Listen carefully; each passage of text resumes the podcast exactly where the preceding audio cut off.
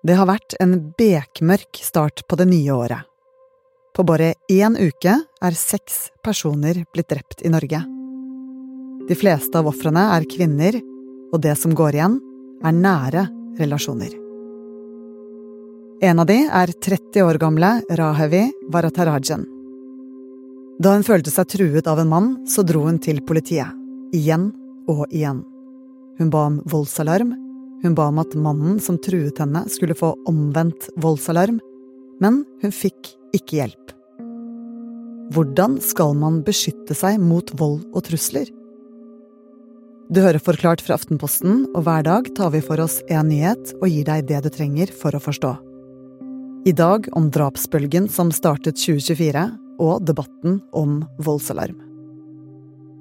Det er onsdag 10. januar. Mitt navn er Synne Søhol.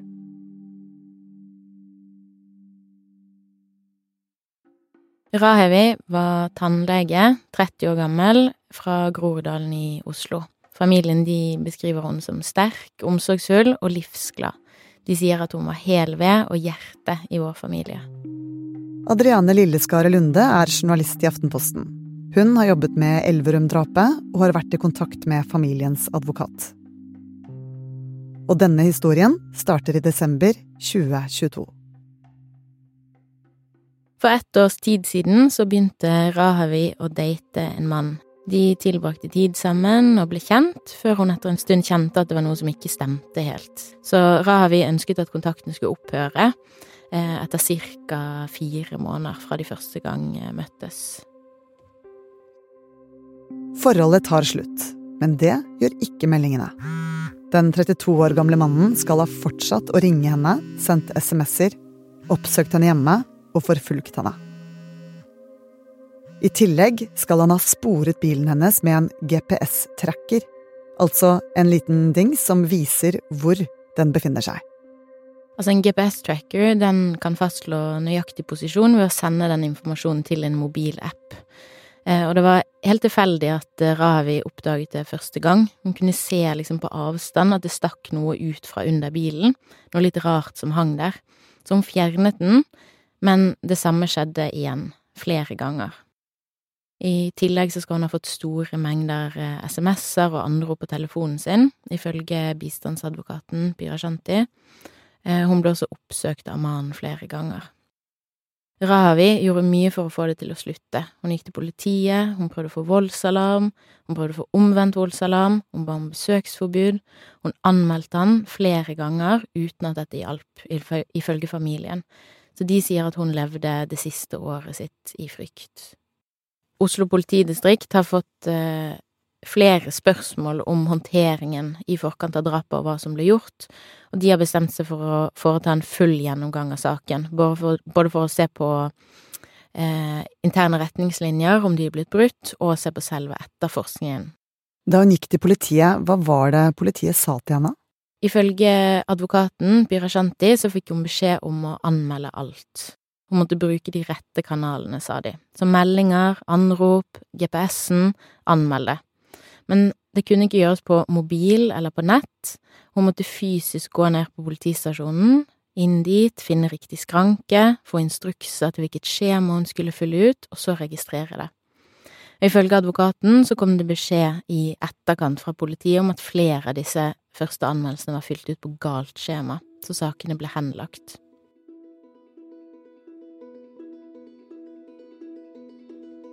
Bistandsadvokaten hun eh, beskriver denne kontakten med politiet som ganske kaotisk for eh, Rahavi. Hun sier at det forverret en allerede vanskelig situasjon. Så Rahavi skal gradvis ha mistet troen på at det skulle fungere å gå til politiet ifølge advokaten. På årets første dag skal hun besøke en bekjent på sykehuset i Elverum. Etter besøket skal hun bare hente bilen og plukke opp resten av følget utenfor sykehuset. Så blir hun borte. Det er kaldt og glatt ute, og familien som er inne på sykehuset, de skulle avslutte sykebesøket.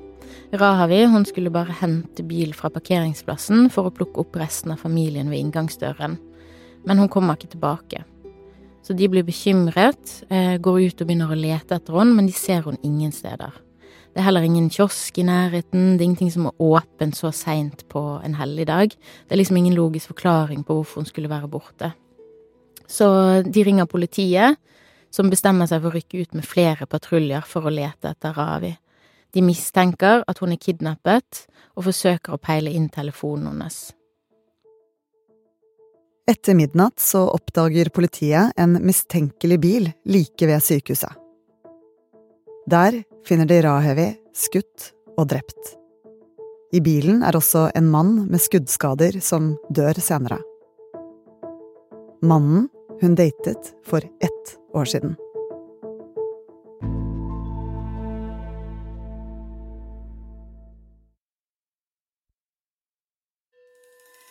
Den 32 år gamle mannen er siktet for drapet på Rahevi. Og dette er bare ett drap i en dyster statistikk som har preget starten på året.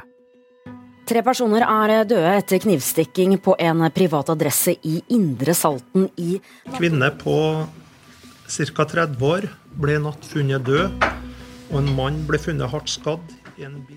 Kvinnen i 40-årene ble siktet og etterlyst internasjonalt etter at en mann i 50-årene ble funnet død. En mann er pågrepet og siktet for drap på en kvinne som ble funnet eh, død på et eh, hotell i Nord-Fron kommune i Gudbrandsdalen. Seks drap på én uke er mye. Dette bekymrer og opprører mange nå, både det høye tallet og det de har til felles. Ikke alle er partnerdrap, men de handler om drap i nære relasjoner.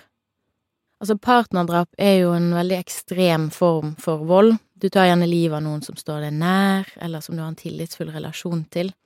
Så jeg tror det er veldig naturlig å reagere sterkt på sånne typer eh, voldshandlinger.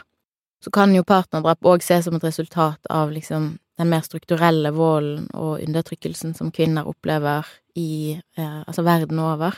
Det er kvinner som oftest er utsatt for kjønnsbasert vold og overgrep, og partnerdrap er jo en ekstrem variant av dette. Eh, og noe som opprører mange. Et naturlig spørsmål nå er hvorfor det skjer så mange drap akkurat nå.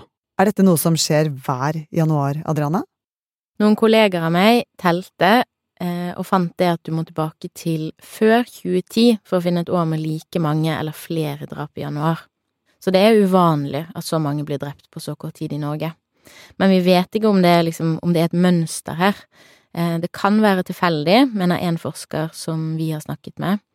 NRK de har snakket med andre fagpersoner som sier at det òg kan tenkes å handle om konflikter, stress, økonomiske vanskeligheter, alt sånt som kan tårne seg opp i løpet av julen.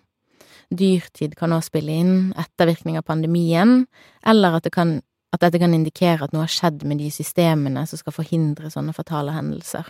Men det vet vi ikke. De tragiske og brutale hendelsene har ført til kritikk av politiet og regjeringen. Dette drapet hadde jo ikke skjedd hvis systemet hadde fungert. Altså, for dette er jo en problematikk som handler om liv og død. Og noe av det viktigste som departementet burde prioritere. Nei, Han ser jo nå, det her er jo et bevis på at det er altfor dårlig. At det kan gå så langt som at det ender med et drap og et uerstattelig tap. Og mye av debatten nå handler om voldsalarm.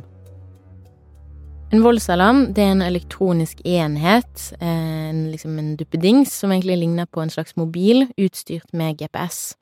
Så hvis du er utsatt for trusler og vold, så kan du varsle politiet ved å trykke på en knapp. Og når det skjer, så får du direkte kontakt med politiet, som ser nøyaktig hvor du er.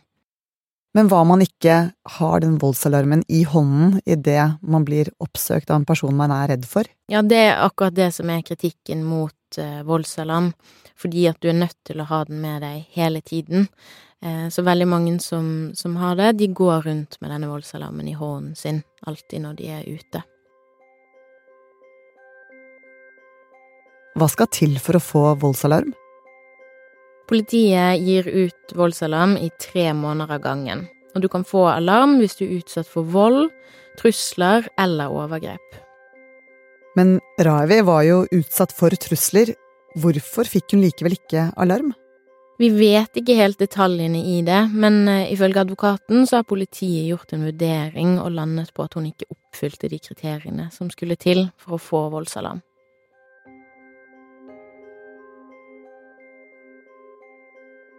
Politiet har ikke delt den konkrete begrunnelsen for at Rahevi Varatarajan ikke fikk voldsalarm.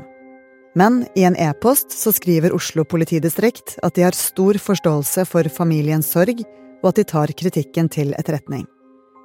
De skriver også at de skulle ønske de hadde gjort ting annerledes, og er i gang med å gjennomgå håndteringen.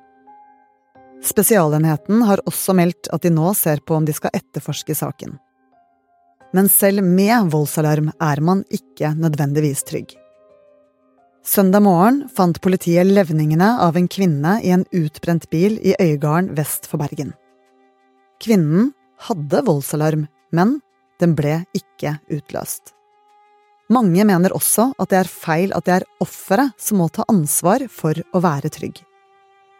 Derfor er det en annen løsning som nå mange kjemper for skal bli mye mer brukt, nemlig omvendt voldsalarm. En omvendt voldsalarm det er en liten elektronisk sirkel som en person får rundt foten, altså en fotlenke. Og den skal kontrollere denne personen som har fått et forbud mot å bevege seg innenfor et bestemt område. Så hvis du da beveger deg i nærheten av den personen som skal beskyttes, så får politiet et varsel. Så det er egentlig en fotlenke med et integrert kart i. Og hva skal til for at noen må gå med det? Inntil veldig nylig så har det vært sånn at det måtte foreligge en rettskraftig dom, og først da så kan en person pålegges å gå med fotlenke. Men nå er dette i endring. Regjeringen vil veldig gjerne at det skal brukes mer og tidligere i sakene, og at politiet skal kunne gi det ut uten at det har vært en dom. Og det er fordi at de ser at omvendt voldsalarm funker, men så har det vært vanskelig å få det til å bli brukt ute i distriktene. Hvorfor har det vært så vanskelig? Omvendt voldsalarm det er ikke blitt ordentlig implementert ute i politidistriktet. Og det kan handle om ulike ting. Det kan handle om kompetanse, ressurser, eh, og hva som har vært vanlig å bruke tidligere. I dag er det krav om en rettskraftig dom for å bruke omvendt voldsalarm. Men når lovendringen faktisk trer i kraft, så kan politiet avgjøre om og hvem som må gå med denne alarmløsningen. På kritikken så svarer justisminister Emilie Enger Mehl at omvendt voldsalarm brukes for lite, og hun lover at Justisdepartementet skal jobbe for at lovendringen raskt skal tre i kraft. Eh, vi trenger å ta kvinners eh, trygghet på alvor i større grad enn før. Derfor har regjeringen bl.a. Eh, gjort endringer i loven, sånn at vi kan bruke mer omvendt voldsalarm. Statsminister Jonas Gahr Støre har sagt at det er urimelig at det er kvinnen som er utsatt for en trussel, som må bære alarmen. Og sånn skal vi ikke ha det, og kvinner skal ikke leve i den frykt. Denne debatten kommer til å fortsette, eh, og voldsalarm er jo ikke det eneste svaret på eh, problemet. Hva er det man kan gjøre hvis man føler seg truet? Det er flere du kan kontakte. Vold- og overgrepslinjen, den hjelpetelefon og chattetjeneste. Du kan også snakke med fastlegen din, eller krisesentrene. Og det gjelder selv om du ikke er i akutt fare. Det kan òg være hvis du bare trenger råd eller støtte. Og så finnes det hjelp for de som utøver vold, eller er redd de skal utøve vold. Det kan for eksempel være en eh, tjeneste som heter Alternativ til vold. Adriane, hva er det som skjer videre med drapssakene nå, og ikke minst debatten rundt bruk av voldsalarm? Rahevi ble bisatt mandag denne uken, men debatten fortsetter. Partiet SV har kalt inn justisminister Mehl til å redegjøre i Stortinget om saken.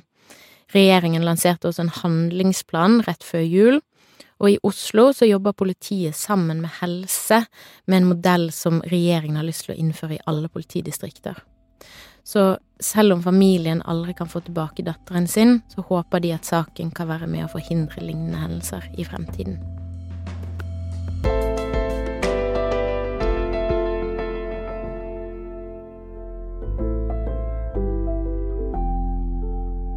Du har hørt en podkast fra Aftenposten. Det var Adriane Lilleskare Lunde som fortalte om drapet i Elverum og voldsalarmdebatten. Denne episoden er laget av produsent Olav Eggesvik og meg, Synne Søhol. Og resten av Forklart er David Vekoni, Fride Næss Nonstad og Anders Weberg. Lyden du hørte, er fra NRK, VGTV og TV 2.